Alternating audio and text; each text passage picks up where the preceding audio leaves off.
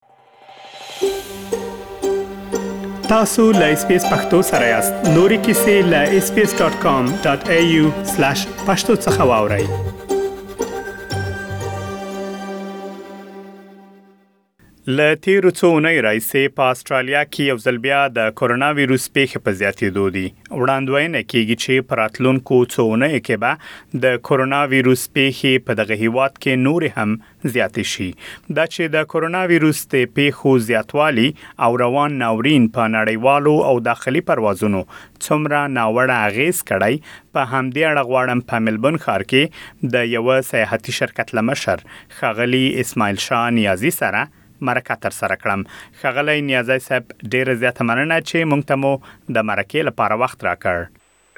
تاسو نه ډیره مننه منیب صاحب چې تاسو موږ ته وخت راکړ او چې دا معلومات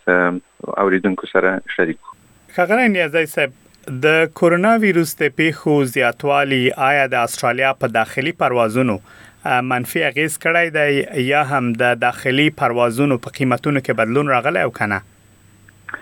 منیب صاحب نه په داخلي پروازونو کې دومره اغیز نه ده کړی ځکه ملبون او سیډني تر منځ خو حتی که څوک پوزیټیو هم اوسیږي ضرورت د ټیسټ نشته دا تا تشخیص کول مشکل ده خلک رفت آمد آزاد کوي او کوینزلند ته او مشکلات شته ځکه چې هلته هغوی پالیسی هم دا ده چې باید تست مو کړی وی مخکې له دې چې کوینزلنډ ته لاړ شئ نو هغه پروازونه کې بعضې خلک موږ خپل مشتریان بعضې بوک کړي وو هالیدې او دوی تلای ونه شو ځکه چې مثبت و په ملبون کې نو نور ښارونو ته چې تاسو خبر اسی ویسټرن استرالیا ته خو بیخي سفر نه کیږي ځکه چې نیو ساوت ویلز او وکټوریا دوی سره بیخي بارډر بند کړی ده حتی پوزیتیو نګیټیو تیست هم که ورکی واکسین شوی هم اوسیږي له دې حالتونو نه ویسټرن استرالیا ته هیڅ تګ نه کیږي متاسفانه او په استرالیا کې بیا د کرونا روان ناورین له دغه هیواد څخه نور هیوادونو ته یا هم له نور هیوادونو څخه استرالیا ته په پروازونو باندې چې نړیوال پروازونه دي په دوی څه منفي اغیز کړی؟ آیا پروازونه کم شوي دي او قیمتونو باندې څه اغیز شوی؟ پروازونه خو منیب صاحب نه دي کم شوي همغه ادامه لري ځکه دولت د استرالیا دغه مرزونه د استرالیا ټول مربوط دي فدرال ګورنمنت دي چې فدرال حکومت همیشه هم دا وینا کوي خپل بیانیو کې چې دوی هیڅ کوم محدودیتونه نه راوړي په سفر کې ځکه چې اسټرالیایان اکثریت نوي فیصد نه زیات فعلا واکسین شوي دي نو دغه واکسین یوازینی لاره وه چې فدرال حکومت په دې باندې تاکید کوي چې بارډر باید بند نشي انټرنیشنل او ورځ ته ورځ دوی اسانتیاوې راولي نو یوازینی مشکل چې په همسایه مملکتونو کې لکه مالیزیا او سنګاپور او تایلند دوی په دسمبر میاشت کې یو وارې بارډر واسکه استرالیا ته بیا چې دلته دا کیسونه ډیر شو او دغه د اومیکرون موضوع پیدا شو دوی بیرته بارډر بند کړ نو پروازونه ادامه لري خو خبره دا ده چې کوم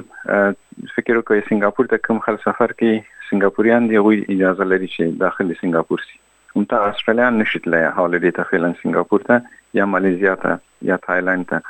نو دغه محدودیتونه فعلا شته زه فکر کوم دا به هم په دې نږدې ورځو کې راکم شي ځکه د سنگاپور او تایلند او مالیزیا د دوی ډیر یره لدی اومیکرون نه و چې هغه هم مونږ ته معلومیږي په میډیا کې فعلا چې اورو خطر دومره نشته ده ښاغلی نیازی صاحب که چیرته څو میاشتې پخوا ته وګورو داسې یو حالت و چې آسترالیانو اجازه نه درلوده له آسترالیا څخه بهر سفر وکړي نو په هغه وخت کې معلومدار چې محدودیتونه یو څه سفرونه یو څه کم و پروازونه کم کېدل او بل له بهر څخه هم هر څوک نشوي راتلای اوس د زینو ویزو لرونکي کسان کولای شي آسترالیا ته راشي چې لنډمهاله ویزې هم پکې شاملې دي نو اوس که داسې مقایسوي شکل سره وګورو درې څلور میاشتې مخکې ته او اوس ته پروازونه هم په اصل کې زیات شوي دي په دې تیرو درې څلور میاشتو کې او کنه دقیقا منیب صاحب دغه کوم محدودیتونه چې لبین لاړ د سټوډنټ ویزو لپاره یا بعضې د کار ویزو لپاره د هیومانیټیرین ویزو لپاره د خلکو لپاره ورکینګ هالیډې ویزې داخل چې راتګ یې شروع سو نو دې سره پروازونه هم زیات شو مخکې به فکر وکوي چې ملبون ته یا سیدنی ته به هفته کې درې پروازه د امارات درلودو اوس هر ورځ پرواز لري همدغه سي د قطر ایرلاین همدا سي اتحاد ایرلاین نو اکثر ایرلاینونو پروازونه خپل هر هر ورځ کړی دي چې دې سره دا فشار دی هم نرخونه راټیټ شوي دي هم په ایرلاینونو کې فشار نشته دومره چې مخکې به موږ دا مشکل درلوده مخکې د محدودیتونو نه چې سیټ به نش پیدا کولای ډیر خلکو چې هغه به د اکانومي په ځای به بزنس کلاس مجبور او چې واخلي نو هغه مشکلات فعلا حل او اوس چې تاسو گاونډي هیوادونه د استرالیا ته اشاره وکړه چې د اومیکرون له امله یې ځینې محدودیتونه په اسټرالیانو لګولي دي. اوس معمولا تاسو سره چې خلک، ځکه تاسو هم د ټکټونو د پلورلو کاروبار لرئ، کله چې ګورئ خلک تاسو سره چې ټکټونه بوکوي، ډېری کومه خوا اسټرالیان ځي، ایا دوی د سیل لپاره ځي او دغه اجازه هم هماغه رقم چې اعلان شوې وه په اسانۍ سره خلک لري چې لاړ شي او بېرته راشي؟ بله صاحب،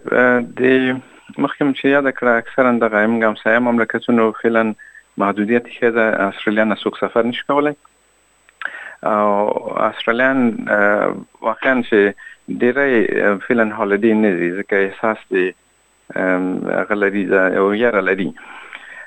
نمنګ اکثرا مسافرون چې دي افغانان دي او افغانان اکثرا چې سفر کوي د ضرورت په اساس کې ضرورت یې دا ده چې فامیل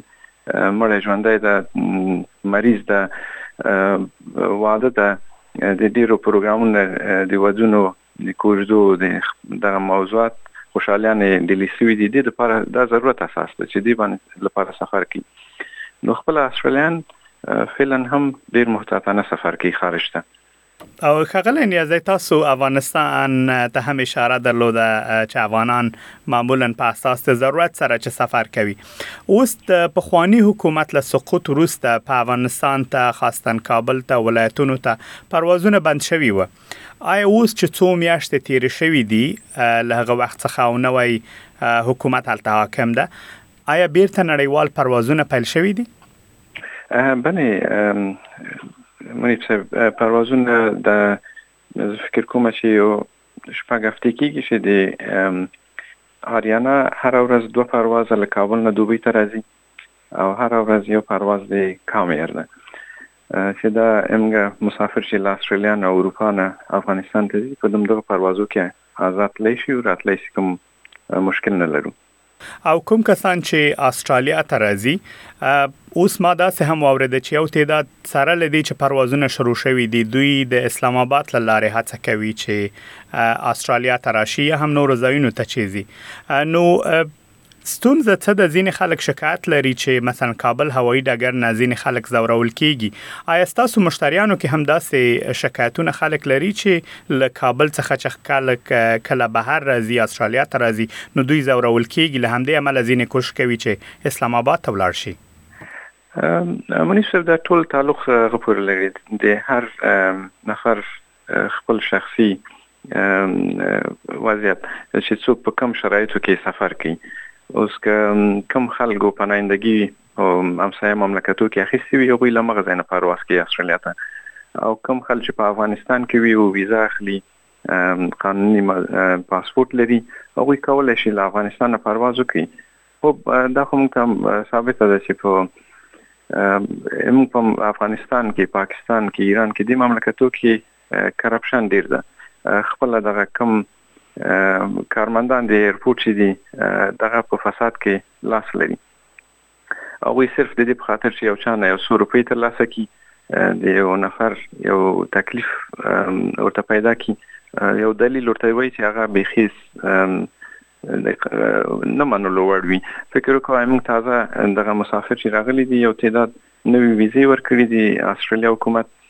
هغوی ته چې کله میدان ته لاړ شي په خاطر د دې چې دوی نه یو څو روپۍ وباسي هغه ورته دلیل وایي چې دا ویزه مو لاړ شي تاسې له وزارت خارجه د افغانستان نه تایید کړي چې اصلا وزارت خارجه ته هیڅ مربوط نه لري د استرالیا ویزه